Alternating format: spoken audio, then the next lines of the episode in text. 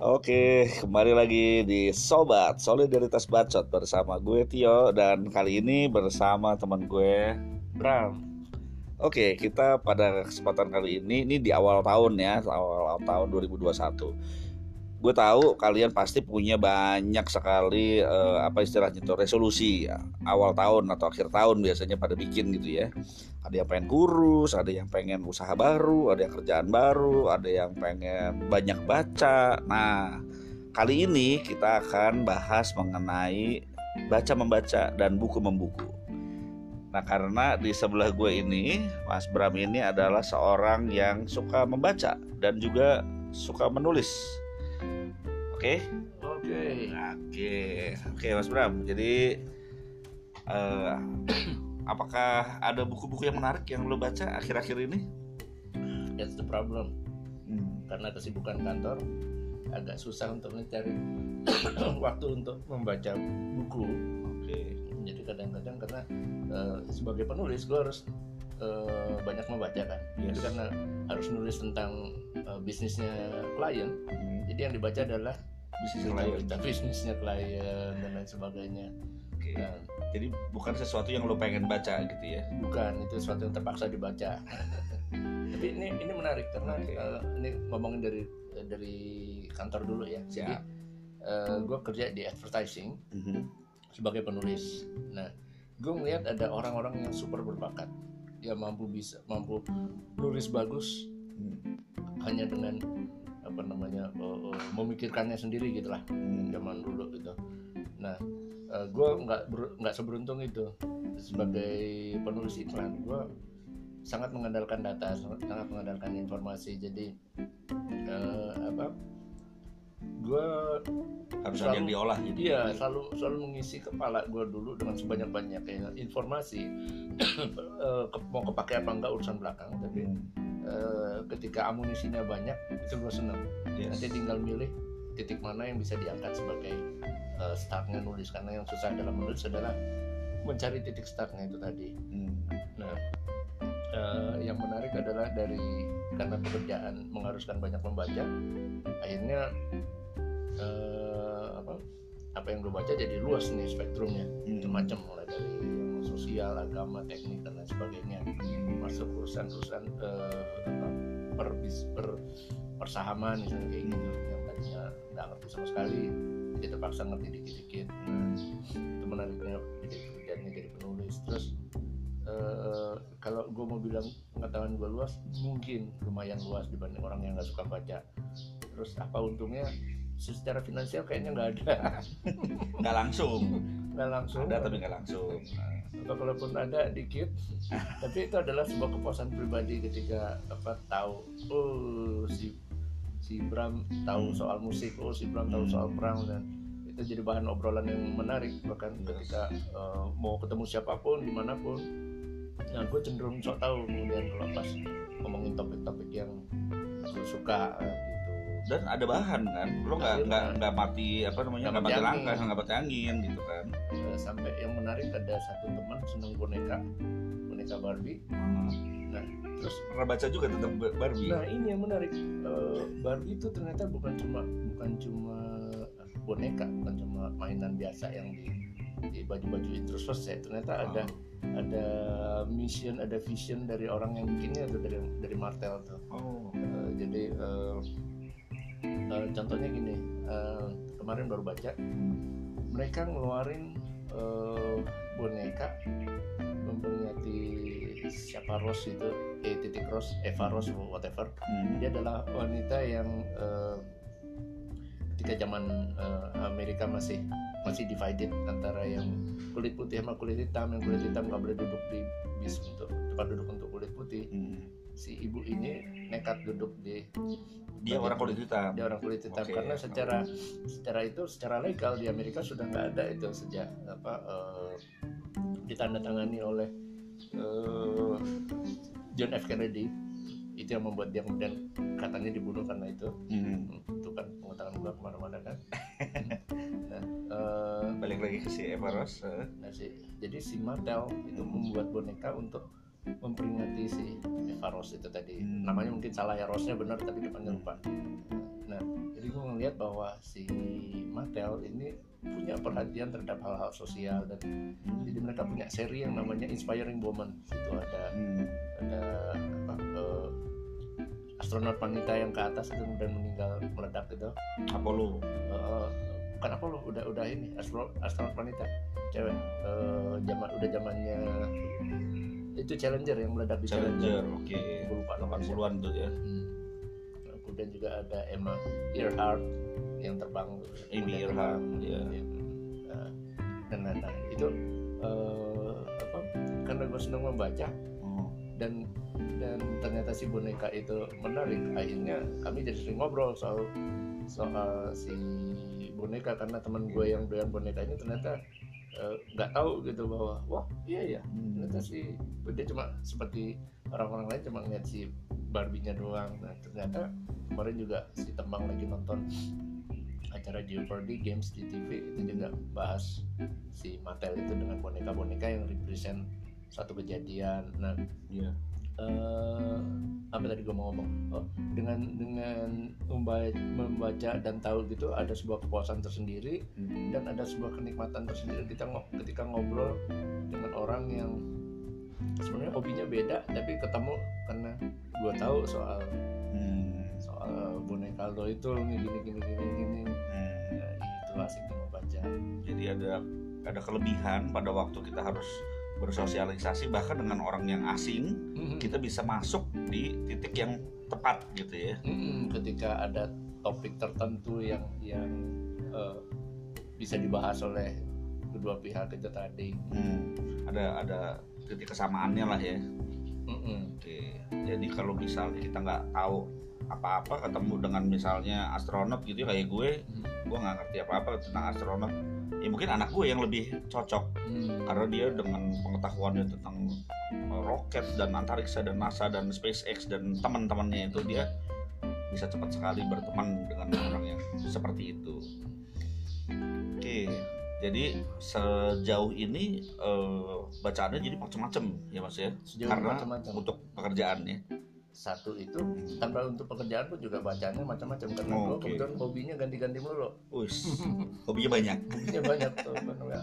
topik-topik yang gue sukai banyak jadi eh, kalau lagi suka sejarah maka gue bisa ngabisin ngabisin duit lumayan banyak untuk beli buku-buku sejarah sejarah Hmm. Prancis misalnya atau eh, apa sejarah perang dunia kedua dan lain sebagainya atau ketika lagi eh, tertarik urusan gereja tertarik Hmm. urusan waktu itu kita bikin apa eh, drama itu. Mm-mm, drama Natal, drama Paskah. Pasca, Pasca. oh, pasca.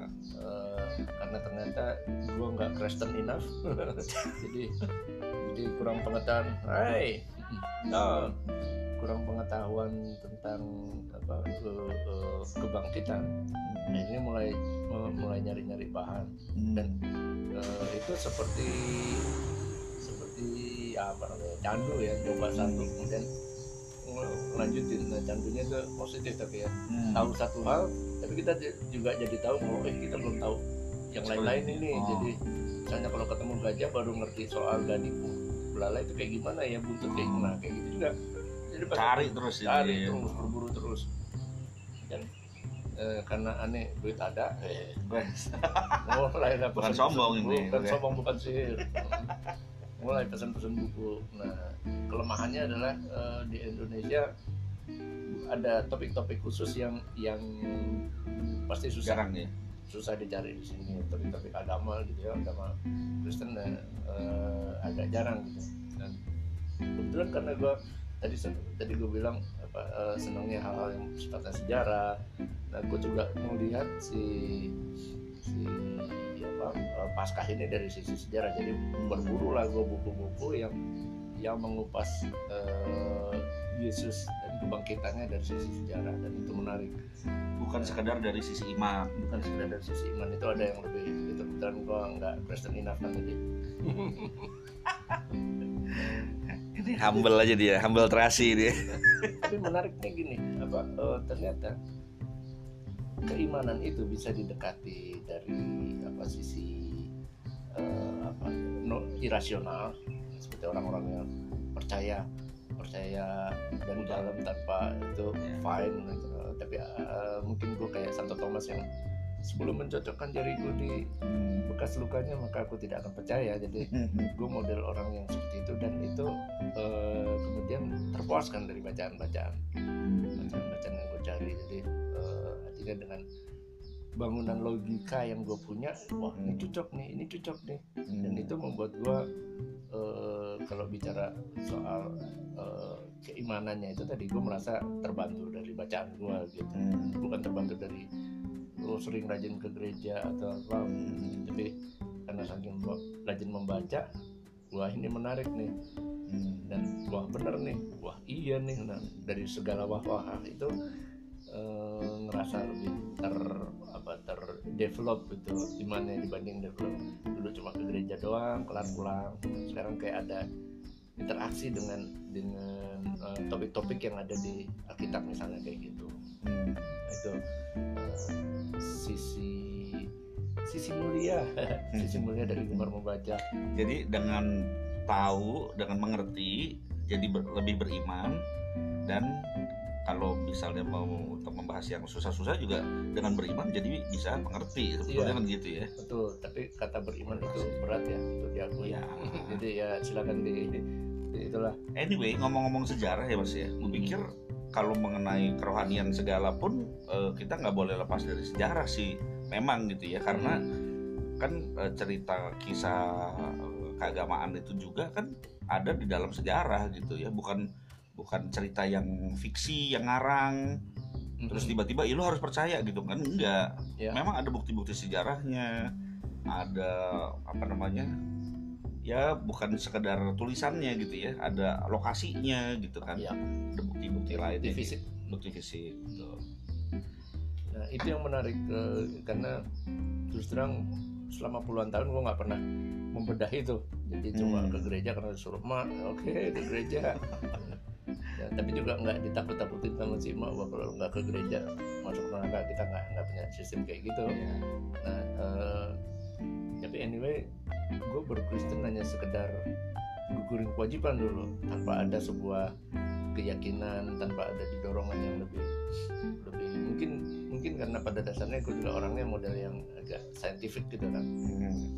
Hal-hal yang non logik nggak bisa gue terima. Jadi kayak mau ini kayak ini. Sekitar kita ada banyak eh, pohon bambu. Itu ada temen yang bilang itu kan sarangnya kuntilanak. Hmm. Belasan tahun gue tinggal sini nggak pernah ketemu kuntilanak Hmm. nah, kayak gitu jadi itu gue tolak Ya.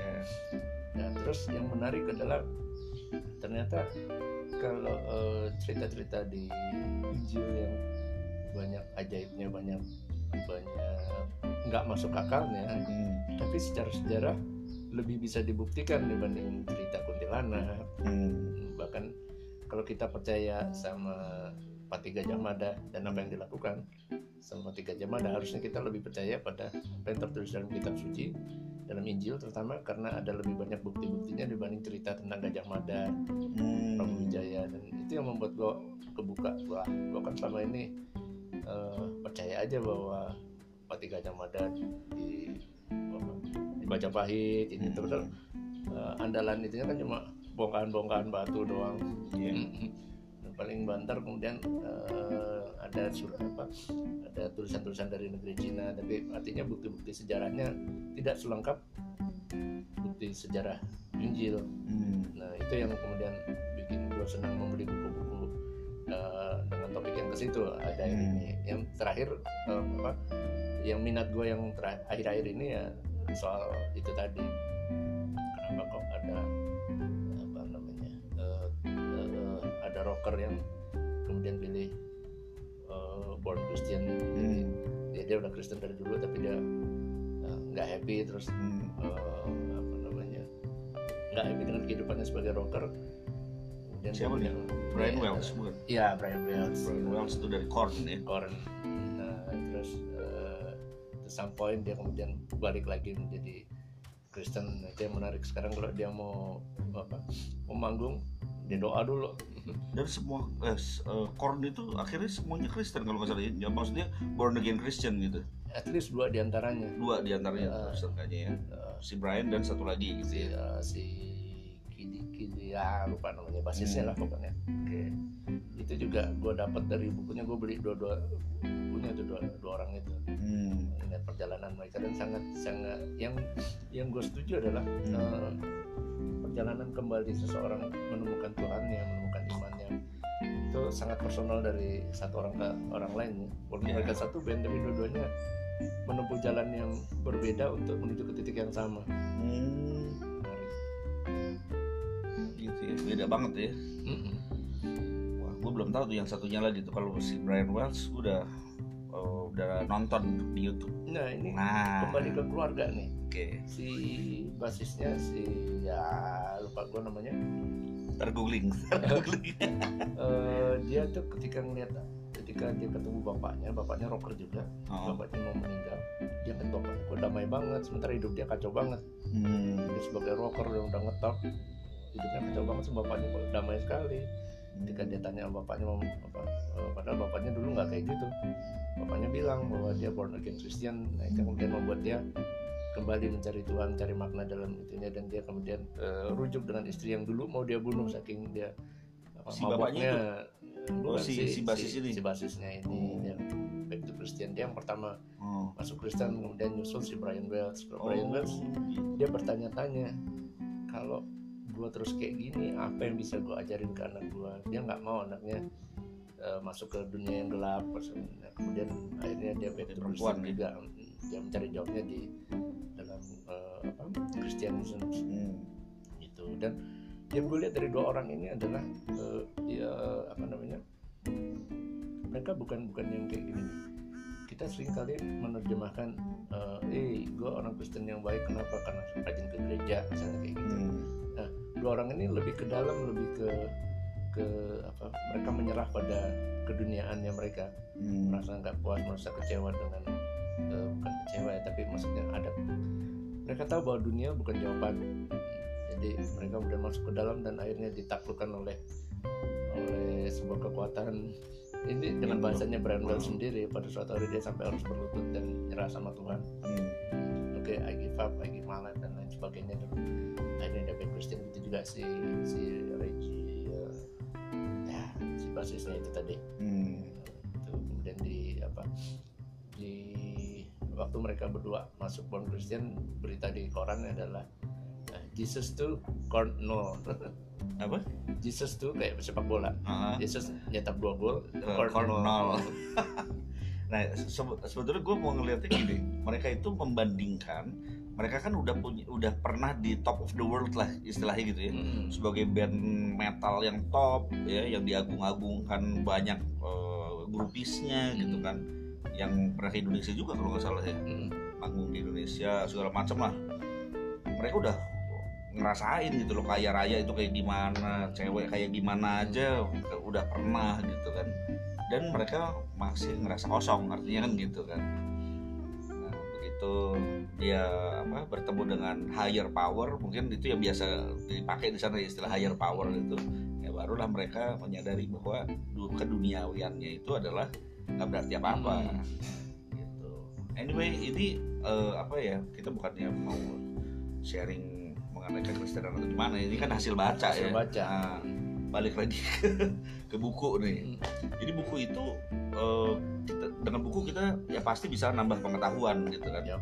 Tapi kalau di Gramedia nih, kalau to- toko buku lah, toko buku ya, itu kan isinya bukan hanya pengetahuan gitu ya, bahkan yang pengetahuan pojokan lah, jarang Iya. di ya, karena bukan bestseller gitu kan.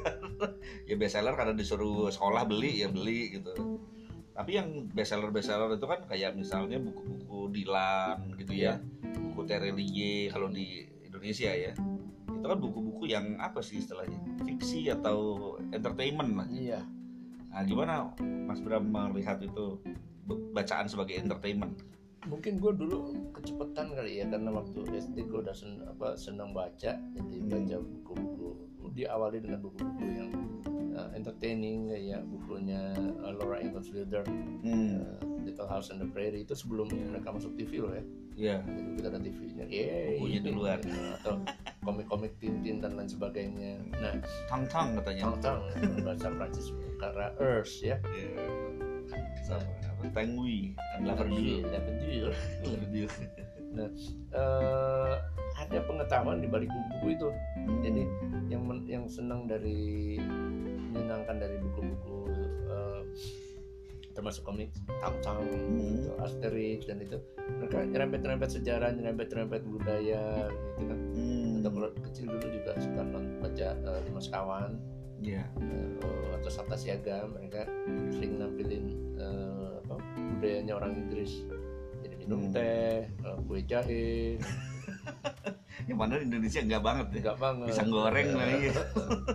tapi itu memperkenalkan oh ternyata di luar negeri anak-anaknya sukanya ini Eh, eh, apa mungkin gue membaca dari sisi yang beda dengan orang yang cuma sekedar cari hiburan Hmm. Nah, ya, yang gue ingat waktu SD gue seneng seneng eh, jadi ketika tahu misalnya eh, ini ada ada ada satu tuh apa satu itu dari eh, Sabta Siaga. Hmm. dia eh, apa di komiknya itu eh di komiknya di bukunya itu dia cerita bahwa eh, kemarin ada pesawat-pesawat tempur Tempest terbang di atas di atas kota. Hmm. gue cari tuh? Kok Tempest? Bukannya Inggris punyanya Hurricane sama Spitfire. Eh ternyata benar jadi Tempest itu sebelum sebelum Spitfire sama Hurricane jadi masih masih pesawat terbang ecek-ecek lah gitu. Nah, nah, eh, semangat untuk memburu pengetahuan berangkat dari itu yang yang apa eh, novel yang hiburan.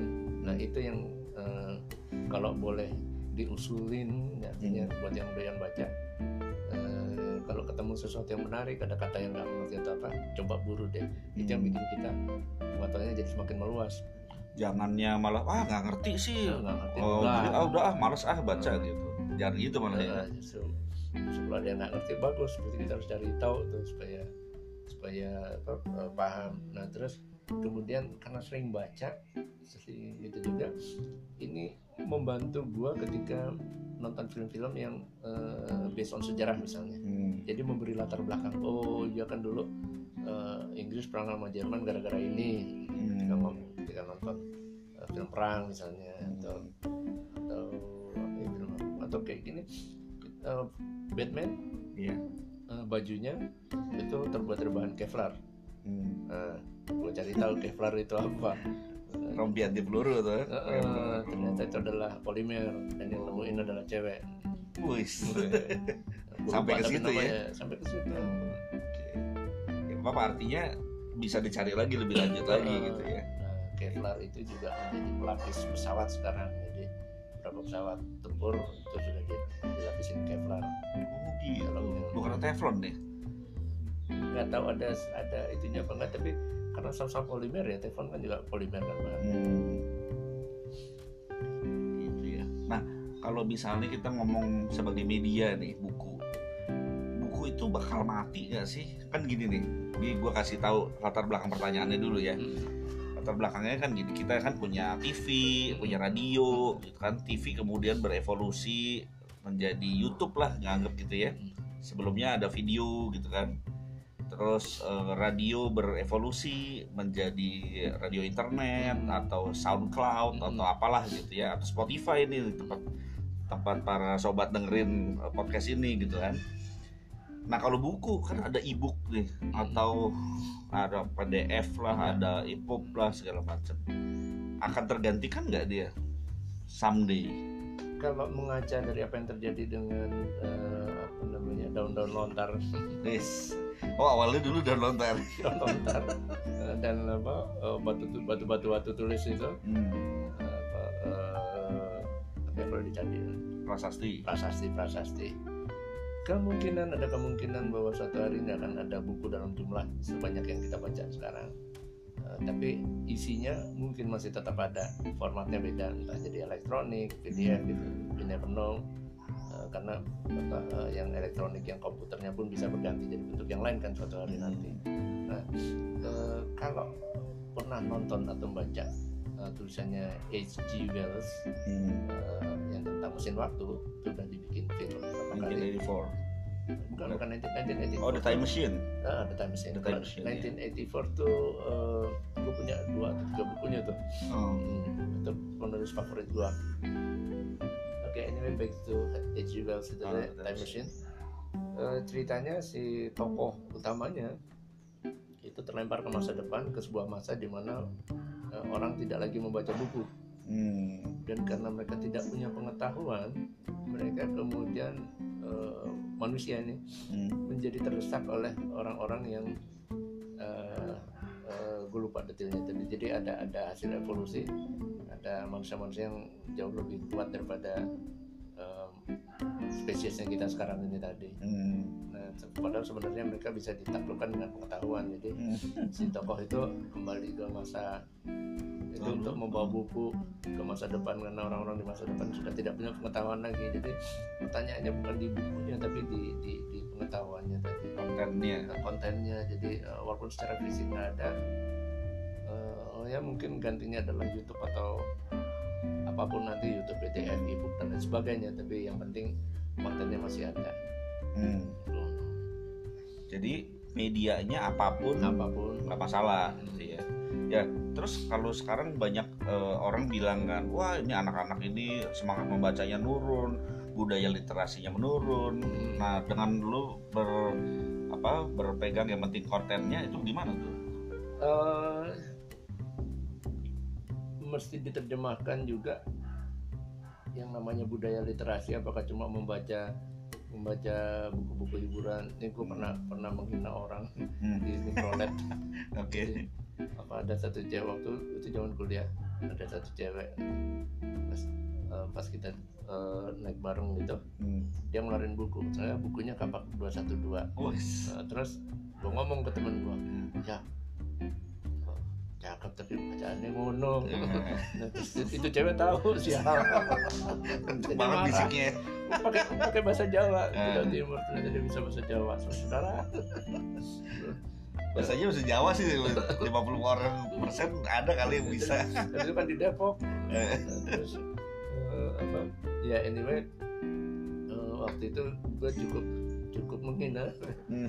orang-orang yang mau baca Buku. buku buku-buku tertentu atau Nah. terus terang jadi gini ada ada ada memang ada kesombongan eh gue dong bacaannya eh H.G. Wells misalnya atau Ensiklopedia. eh, Hemingway dan yang yang eh, sementara kalau orang-orang yang baca Terelie atau Iya.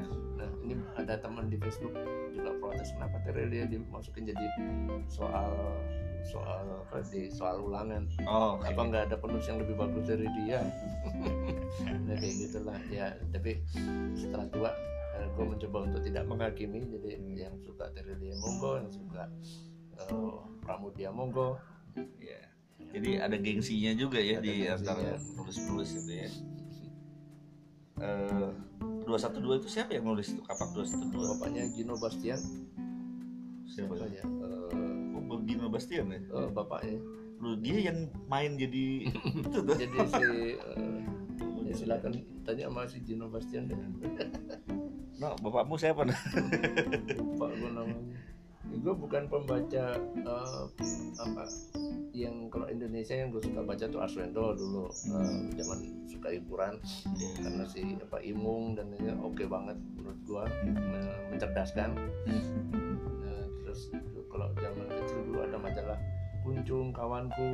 Nah penulis yang gue suka di zaman kawanku tuh Leila Chidori Kudori C H U D O R I. Kudori kemudian eh, kemudian ada kalau puisi Sapardi Djoko Damono Oh, iya.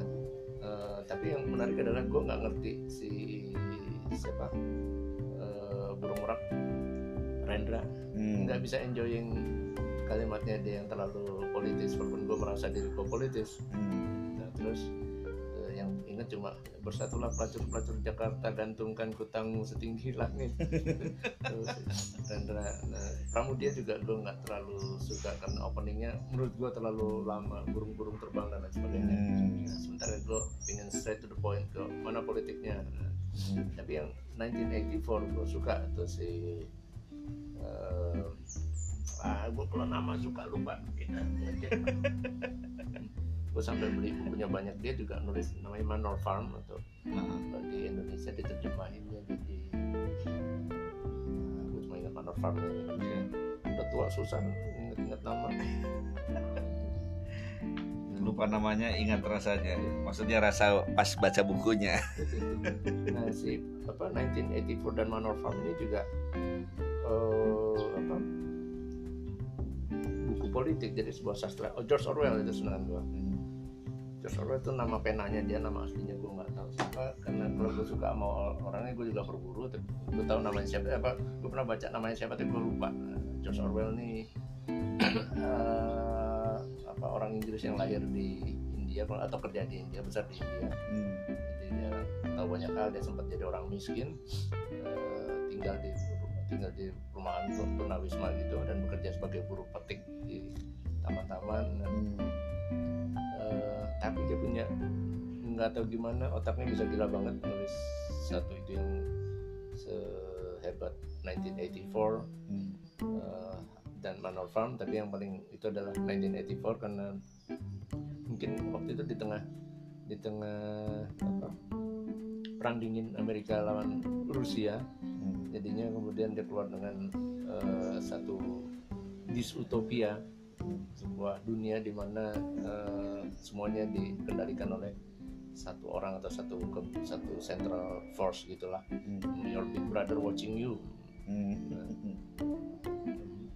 uh, apa uh, nggak tahu kenapa walaupun itu buku itu syarat muatan politik syarat uh, apa sindiran atau sindiran dan tone-nya juga melo uh, uh, uh, depressing tapi gue hmm. suka kemudian penulis lain yang gue suka itu Franz Kafka. Franz Kafka Franz, Franz Kafka itu penulis dari Cekos kalau salah. Hmm. beda sama si ini dia lebih ke apa dia keluar dengan dengan novel-novel yang absurd. Pada suatu hari sese ada seseorang Gregor siapa gitu dia menemukan dirinya berubah menjadi kecoa. Absurd. Absurd kan? Nah, tapi yang apa yang gue suka dari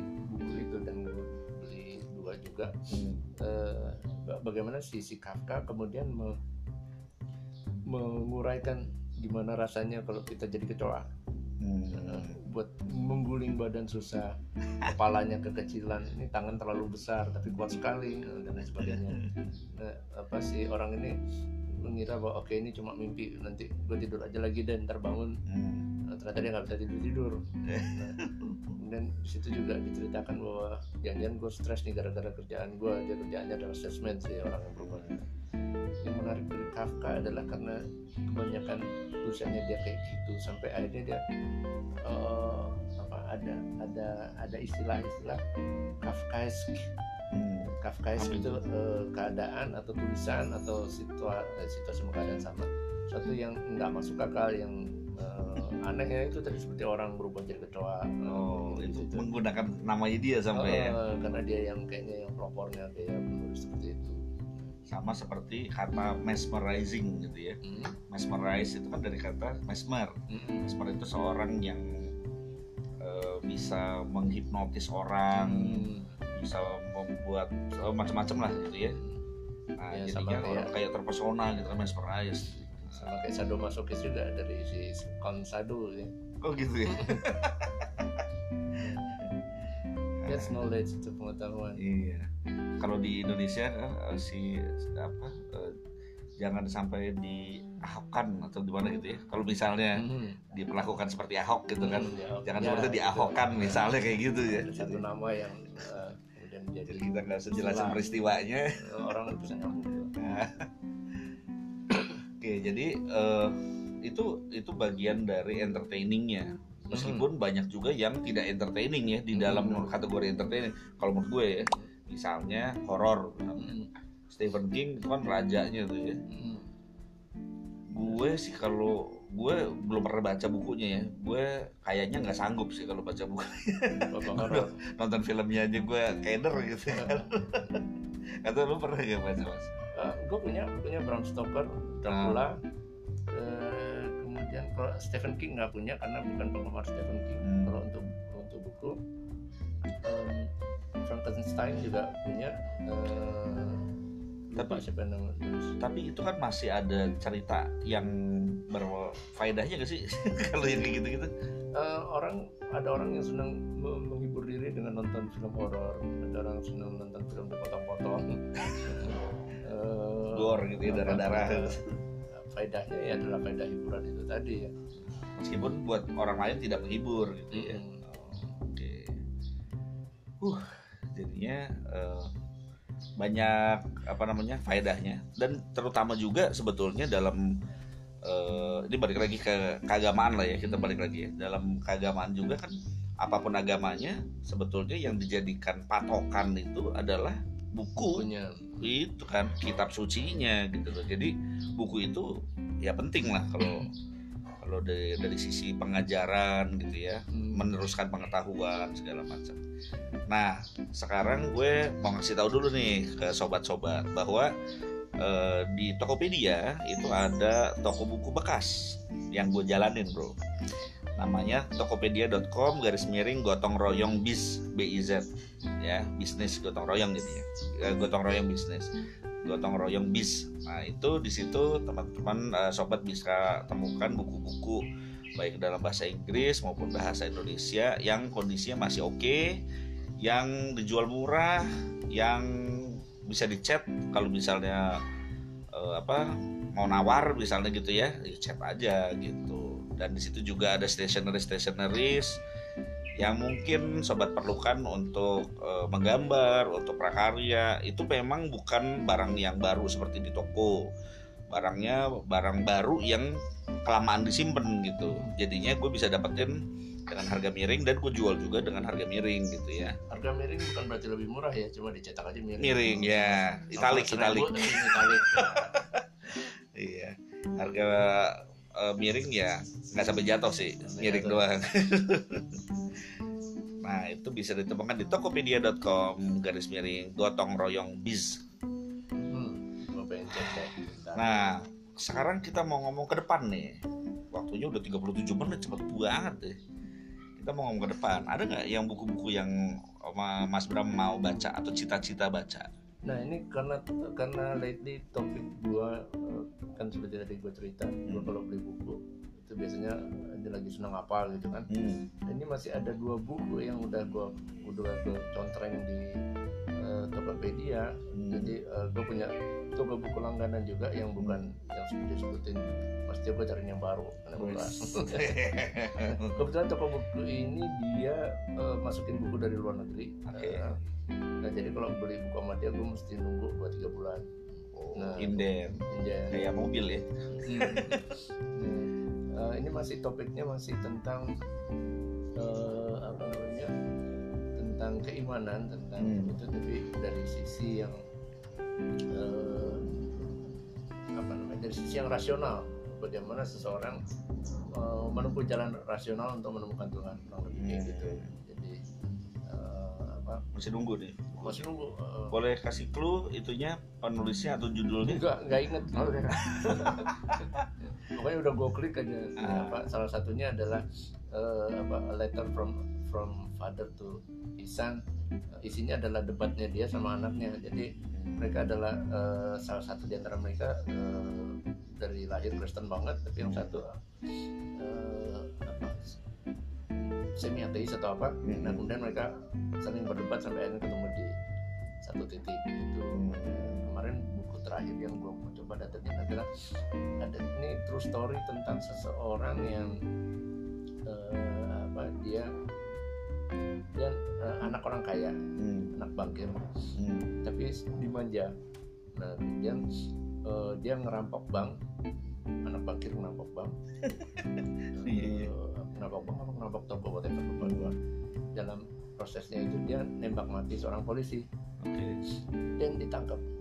Nah, dia jatuh hukuman mati. Nah, ketika dia di penjara dia mengalami uh, perjumpaan dengan Tuhan dengan caranya sendiri dari yang takut takut dengan hukuman mati sampai akhirnya kemudian dia pasrah dan banyak menulis tentang perubahan perjalanan perjalanan uh, keimanannya dia sebegitu apa sebegitu bagusnya atau sebegitu berpengaruhnya tulisannya dia Hmm. sehingga kemudian berapa tahun kemudian dia di eh, beatifikasi ya artinya kalau di Hmm. gereja Katolik ada orang-orang tertentu yang dijadikan santa santo, santa ya. atau santo gue nggak tahu udah, udah selesai apa belum proses beatifikasinya Hmm. dan dia sejauh ini adalah satu-satunya narapidana mati yang dibeatifikasi biasa ya. tulisannya Heeh. nah, Oh karena tulisannya. karena tulisannya dia menulis Selama di yang- penjara. Heeh, dia menulis apa yang dialami dari yang dari yang sangat eh, apa eh, sangat duniawi sangat Hmm. karena dia merampok untuk beli yacht Hmm. gitu. dari seorang anak yang sangat manja eh, sangat senang duit lalu tiba-tiba menjadi apa bukan tiba-tiba tapi melalui satu proses yang susah dia berubah menjadi seorang yang sangat religius yang sangat percaya bahwa eh, Tuhan akan menyelamatkan nyawa jiwa dia dan Hmm. itu membuat dia tenang. Jadi dia kemudian menjadi contoh buat orang-orang yang eh, membutuhkan ketenangan ketika menghadapi persoalan. Itu mungkin yang membuat dia dibeatifikasi. Tapi artinya lu udah tahu isinya, sinopsisnya Mhm. dari sebuah buku yang lo mau baca, tapi lu tetap mau baca gitu ya. Em, pertama adalah gue mau mau punya bukunya Hmm. jadi eh, Bukunya dengan- dengan baca itu beda ya? beda eh, Gimana gimana? Bedanya eh, gimana? eh, ada orang-orang yang seneng eh, kolektor tuh adalah sebuah penyakit tersendiri ya punya buku lebih dari satu buku sa- judul yang sama tapi ada tiga buku buat apa coba Ah, tapi itu adalah penyakitnya kolektor jadi kita punya kebahagiaan tersendiri dengan dengan itulah kenapa dengan- tadi lu bilang gue punya dua buku. Ini ini gue punya dua buku gitu. iya Karena lu judulnya udah sama eh, kayak 1984 gue punya tiga buku padahal udah tahu di rumah udah ada di dua. Beli Iya. lagi. dari penerbit yang beda Eh, Kafka ada dua ada, Oh, karena penerbitnya beda. penerbitnya beda bentuknya beda apa eh, covernya beda dan lain wow, sebagainya. menarik ya. Hmm. jadi eh, kalau tadi Mas Tio sempat nanya nanti ke depannya gimana nasib buku berubah jadi PDF Oh, ya gue adalah orang yang akan sedih dengan tidak ada lagi buku secara fisik karena kehadiran buku secara fisik itu adalah sebuah kenikmatan pribadi Iya. Kalau ngeliatnya dirah wah bukan asik sekedar sekali. itu ya, nyium kertasnya. Iya. Itu termasuk ritual juga itu ya. eh, apa? Ada double-double karena memang berbeda. beda penerbitnya tapi itu adalah itu memang penyakitnya kolektor Hmm. Seberapa kolek seberapa kolektornya lu sih? tergantung lo melihatnya dari jumlah atau atau dari kegilaan punya apa tiga buku judul yang sama jadi bisa quantity bisa bisa quality Nah, kalau quantity gue sekarang udah udah parah karena eh, waktu pindah ke sini banyak buku yang hancur eh, rakyat dan lain sebagainya. Tapi ada satu masa di mana jumlah buku gue lebih banyak daripada jumlah judul ya. Jumlah judul buku di rumah gue lebih banyak daripada jumlah judul di toko buku di mana gue bekerja. Oh iya.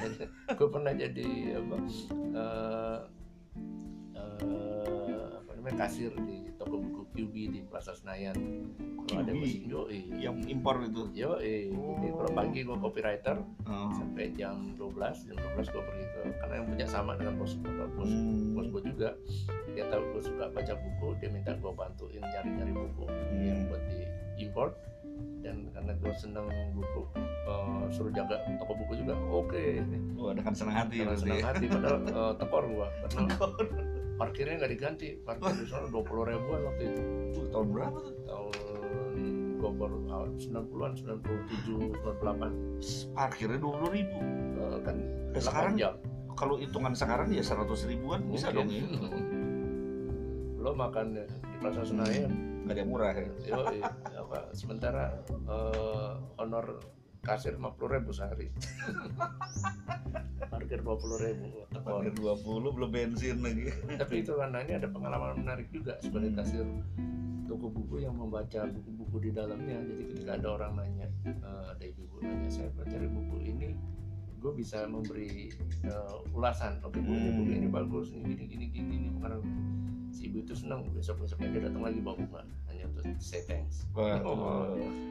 Apa ya yang jadi istri bukan ya? bukan Beda lagi ya. nyonya tidak suka baca buku Kali, eh, tapi itu mem- sangat membantu eh, sales ya. jadi orang bisa menentukan oh gue beli yang ini atau gue beli semuanya deh gitu membantu sales sih enggak ya enggak ya? Bukan seperti enggak bantu. karena si QB itu eh, apa kesalahannya adalah terletak pada koleksi yang dia dia beli itu terlalu tinggi terlalu susah Orang baca eh, sastra kan jarang. Ya terus siapa yang mau baca kritik sastra? Oke. Makanya di kalau buku kritik sastra bukan cuma buku sastranya doang. Ya orang-orang sastra yang mau baca. Jadinya eh, apa gue sih suka karena QB adalah toko buku di mana nggak ada buku apa di mana toko-toko buku lain nggak jual. Hmm. tapi sebagai pekerja situ ya ini mah nggak lama nih umurnya karena dan memang iya benar. nggak lama kan kalau nggak salah di Pondok Indah ada ya? Ada. Dulu ya? Kantornya si Bojo sekarang. Nah, atas kepalanya Ya, tutup dengan cepat waduh tuh sayang ya. tapi eh, yang lainnya ada nggak? Kinokuniya masih ada ya? Kinokuniya beberapa udah tutup di mana yang sering gua datang eh, Pondok Indah tuh udah tutup. Kinokuniya tuh juga oke karena dia suka apa eh, buku-buku luar tuh Hmm. banyak situ kan nah buku-bukunya Kafka George Orwell gue belinya di Kinokuniya Hmm. dan kualitas cetaknya bagus Ah. Jadi toko-toko buku semakin eh, berkurang. ya Yang ada toko, eh, yang masih bertahan pun nggak hanya jualan buku sekarang kan. Misalnya toko buku yang besar itu kan dia jual alat musik juga, jual stationery segala macam juga. Nah, tapi ini ada ada ini yang menarik. Ada satu proyek di gue nggak tahu di Amerika atau di mana namanya proyek Gutenberg. Hmm. Dia tuh berusaha mem, me- apa namanya koleksi menyimpan me- itu berbagai buku-buku, berbagai tulisan, berbagai novel dalam bentuk ke, yang bisa di-download. Gue lupa bentuknya apa, bukan PDF soalnya. Gutenberg Project. Uh, Gutenberg Project. Jadi dia berbagai karya klas, klasik literatur klasik itu Hmm. mereka punya dan gue suka download juga gue print uh, gue gue kasih hardcover Hmm. masuk ke lemari uh, itu juga menjawab uh, seberapa apa namanya seberapa kolektornya gue Nah. jangan dilihat dari jumlahnya tapi tapi dari effort yang gue mau itu yang mau gue apa lakukan gitu kan sampai Nah, mendapatkan satu judul download dari eh, Gutenberg Project Hmm. Yang mana Gutenberg itu adalah mesin cetak ya, Iya, penemu penemu mesin mesin cetak, cetak. ya. Oke, di Jerman. Jerman Oke, dan Gutenberg menemukan mesin cetak ketika apa, menemukan ide untuk, me- untuk membuat mesin cetak ketika dia lagi jalan-jalan dan melihat orang ngepres anggur Oh, proses ngepres itu wah ini kalau apa ini gue gabungin sama mesin tik Hmm. atau alat tulis bisa jadi buat ngepres di cetakan nih bisa ngepres di atas kertas nih hmm. ceritanya gitu itu juga adalah buah dari pembaca sampai tahu begitu. sampai tahu jadinya ya membaca itu harus harus tetap diusahakan karena itu bisa menambah pengetahuan Iya. gitu ya. mau membaca dari quote dari YouTube atau dari mana pun go ahead Nah, masalah validitas nih Mas. Masalah validitas yang kita terima nih informasi kan. Hmm. Kan kita baca buku isinya informasi. Informasi itu semakin gimana ya? Gini, gue bilang gini. Media itu semakin cepat ya, semakin cepat transfer informasinya, Hmm. dia bisa semakin salah informasinya. Yap. Begitu juga dengan YouTube misalnya, bagus banyak eh, apa video pengetahuan bagus, tapi banyak juga yang nggak nggak bener gitu kan, banyak Hmm. juga yang opini yang nggak nggak fakta gitu kan. Ya. menarik oke Nah, validitas itu dengan buku kan masih terjaga lah kurang lebihnya gitu ya. Karena di apa penerbit ada editor Ada editor. tapi nggak juga karena eh, belum tentu penerbitnya adalah yang apa eh, kita suka lihat ada buku-buku yang eceh-eceh kan Hmm. Eh, kenapa sih Amerika menyembunyi ah, bukan judulnya udah aneh-aneh gitu Hmm. artinya eh, dalam bentuk bentuk cetak pun validitasnya juga bisa dipertanyakan Tapi kita lihat eh, sumbernya ya penerbitnya, ya penerbitnya terpercaya orangnya. gitu juga kalau di apa eh, YouTube di apa di internet Hmm. kita lihat juga sumbernya Nah, tapi yang, yang pegangannya gue adalah gini terma, apa tadi kan gue cerita gue nggak Kristen banget dan mendekati mendekati tim secara logika karena gue Hmm. adalah orang yang cenderung uh, menyangsikan segala sesuatu Oke. jadi uh, kalau lo bilang apa, air putih itu warnanya bening gue harus harus meyakinkan diri dulu apa benar yang disebut bening itu kayak gini Hmm. nah, misalnya kayak gitu jadi Iya. orang yang selalu uh, bukan meragukan ya mengandalkan rasio lah. uh, mempertanyakan mempertanyakan apa benar apa benar apa benar. Jadi Iya. setiap kita kali baca berita uh, biasanya gue nggak langsung jump in conclusion Mhm. uh, apa bilang ini benar tapi uh, nyoba dua tiga itu yang sama eh, dua dua tiga sumber yang berbeda. Dan harus hati-hati karena sekarang zaman copy paste. Hmm. jadi kalau begitu kata-katanya sama berarti dia sumbernya sama. sumbernya sama bunuh yang satu. Lalu apa bunuh yang lain ikan satu cari lagi yang yang sumber yang berbeda kalau bisa dari negara yang berbeda nah Hmm. itu yang sama sama pendekatan yang sama yang membuat gua eh, ini back to Christianity tanpa Hmm. bermaksud untuk berkhotbah Hmm. membuat gua merasa nyaman dengan agama gua sekarang karena eh, apa ada proses-proses yang sama untuk untuk eh, apa, eh, validitas eh, kitab suci Hmm. jadi di kalau zaman dulu kan belum ada mesin cetak ya semua ditulis tangan Iya. jadi untuk mau membuktikan mana yang benar mana yang enggak memang harus di harus Bandingkan. dibandingkan Yes. kalau banyak apa, eh, waktu itu gue cerita ke si tembang kalau satu kelas nyontek sama tembang Hmm. catatan pelajaran tembang maka itu kan kelihatan semuanya sama Hmm. jadi kalau ada orang yang memalsukan apa yang terjadi di kelas itu dia menulis dia akan terlihat bahwa punya dia beda beda dari punya yang yang satu kelas nyontek itu tembang. Hmm. Nah, itu juga di eh, kenapa kenapa Injil bisa dianggap sebagai bu- bukti sejarah yang kuat karena dia punya ribuan eh, kopi dalam bahasa Manuskrip. manuskripnya dalam bahasa Greek dan masih tersimpan sampai sekarang di Mesir ya kalau salah. Eh, Inggris bukan Inggris bukan Enggak, di yang tertua eh, perpustakaannya di di Mesir Alexandria kalau nggak salah. Lupa, gue Eh, oke cek cek kita aja tapi tapi eh, ada ada sebuah biara yang melihara melihara apa eh, potongan-potongan Injil yang lama. Nah itu eh, kalau kita percaya sama sejarahnya eh, sejarah Yunani kuno. Hmm. Tentang misalnya Alexander the Great yang namanya dipakai jadi Alexandria itu tadi Hmm. eh, itu cuma ditulis dalam let's say berapa ratus kopi Hmm. kalau nggak salah Herodotus atau siapa yang nulis eh, 800 cuma eh cuma ada 500 kopi yang Hmm. sementara Injil ada ribuan Hmm. jadi yang terdekat pesaing dia terdekat si si Alexander the Great itu tadi 500 cuma ada 500 kopi kopi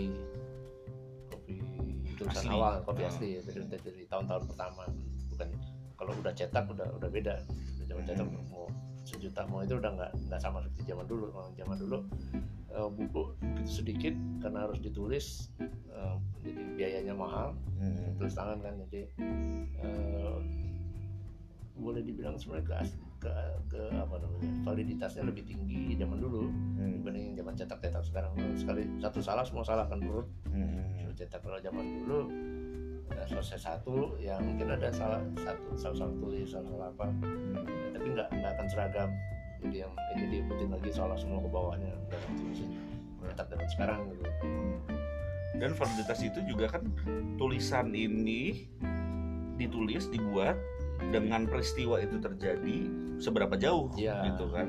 Nah, kalau tulisan-tulisan Injil itu kan dia dalam abad yang sama gitu. Ah, dalam 10 tahun yang sama malah tahun sejak apa Yesus disalibkan sudah mulai ada tulisan-tulisan awal yang jadi sumber untuk penulisannya Paulus Hmm.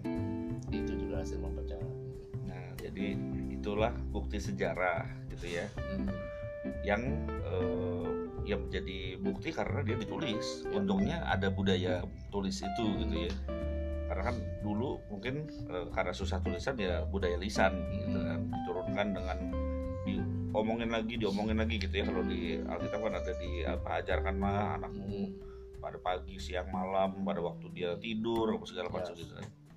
Nah, jadi ya karena sudah ditulis ya, jadi orang juga Nah ya, masih terkait dengan perinjilan itu tadi gue sampai mencari tahu sejak apa, kapan sih mulai ada sejarah tulis menulis artinya Hmm. huruf apakah uh, apa bahasa Ibrani Hebrew itu uh, lebih tua atau lebih muda dari bahasa Arab hmm. nah dari situ kemudian kita bisa uh, melihat posisi kedua kitab itu dari sisi sejarah itu menarik kan karena ada ada ada untuk orang yang suka dengan perbandingan agama itu juga menjadi salah satu bahan yang mereka uh, cermatin kan. Hmm. Jadi uh, dengan memburu pengetahuan artinya ada satu yang timbul satu pertanyaan kita cari terus hmm. otak kita kemudian menjadi semakin pusing. ya memang untuk membahas satu topik kalau uh, Mas Bram tadi di awal bilang gue mesti baca banyak dulu hmm. Itu memang tidak akan kepake semua gitu ya hmm. tapi itu bisa menjadi apa namanya di balik kepala kita itu udah siap dengan amunisi tinggal ditembakkan hmm. dengan ketepatan gitu ya, ya. Nah, okay. dan gue juga harus menekankan bahwa uh, apa namanya uh, ternyata gue hidupnya jadi lebih bahagia hmm. Walaupun tidak lebih kaya tidak lebih sehat juga bodinya hmm. uh, apa artinya dari kesenangan membaca dari hobi membaca kemudian itu diarahkan ke membaca Injil secara historis secara itu uh, bukan seperti orang Kristen di, yang harus membaca karena kewajiban hmm. membaca karena penasaran hmm. dan itu ternyata ujungnya membahagiakan hmm. Kayaknya emang jalan. Gue tidak ditakdirkan sebagai orang yang uh, walaupun dibaptis dari kecil tapi wah anak gereja nih anak baik-baik. Enggak gue bukan anak baik-baik. Tapi uh, ternyata melalui jalan yang jalan yang logis itu pun gue ketemu hal yang membuat gue happy membuat gue uh, ya gue mungkin belum bahagia menjalani hidup gitu? Yes uh, dan uh, artinya agak susah untuk bilang apakah gue menjadi religius? Hmm, nggak hmm, tahu. Berat ya? Berat untuk bilang iya tapi yang jelas gue nggak nggak kayak dulu yang nggak peduli dengan agama nggak peduli Tuhan. Yang cuma sekedar oh kayak gue orang ketemu Tuhan nanti Sabtu Minggu aja ya ya Minggu aja ya. Nah ada ada ada apa namanya eh, setelah banyak membaca itu tadi gue ternyata menjadi lebih lebih yakin dengan apa yang gue pelajari apa yang diajarkan ke gue di di gereja nah, kemudian jadi uh, melihat doa bukan sebagai sebuah kewajiban tapi memang sebuah sebuah itu yang secara psikologis sangat menyenangkan ketika hmm. kita mempunyai hubungan yang yang yang dekat yang pemahaman yang yang oh, oke okay, Tuhan ada dekat gua Tuhan hmm. mencintai gua Tuhan aku mau ngobrol sama engkau hari ini kayak gitu-gitu itu yang uh, membuat gua happy dengan hidup gua hmm. karena uh, apa namanya gue juga udah ngalamin hidup uh, jauh dari Tuhan hidup dengan mencoba uh, apa, meniadakan Tuhan dulu hmm. gue punya bukunya tuh bukunya hmm. Nietzsche hmm. God is dead uh, bukunya bukan itu judulnya tapi Nietzsche pernah nulis God is dead terus uh, mencoba untuk menjadi ateis ternyata uh, apa nggak memuaskan nggak membahagiakan bayang gitu. Terus kalau gue mati terus udah gitu aja. Udah kayak film seri abis dan di end. Di end. Kayaknya nggak seru hidup kayak gitu. Nggak nggak memberi kebahagiaan. Jadi uh, jadi sekarang ini lo justru dengan membaca macam-macam dan sejarah, ketemu ya. artinya di, di eh secara sejarah benar nih omongannya Yesus. Nah, secara sejarah benar nih si Injil. Nah, itu membuat gue nyaman. Hmm. nyaman dengan, dengan hidup gue dan uh, lepas dari banyak beban-beban yang tidak membahagiakan.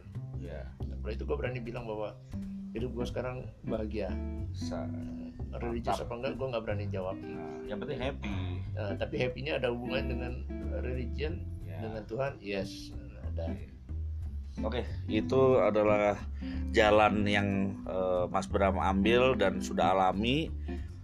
Sobat-sobat juga semoga dengan membaca bisa mendapatkan uh, banyak pengetahuan, bisa mendapatkan hiburan, dan juga pada akhirnya mendapatkan kebahagiaan yang ultimat ya yang teman-teman bisa dapatkan dari uh, proses membaca dan juga uh, hidup dalam keseharian. Kira-kira begitu. Oke okay, thank you Mas Bram untuk waktunya. ini adalah solidaritas bacot sobat doyan baca buku kalau mau main-main ke rumah baca buku monggo Asik. Oke, sekian dulu. Bye.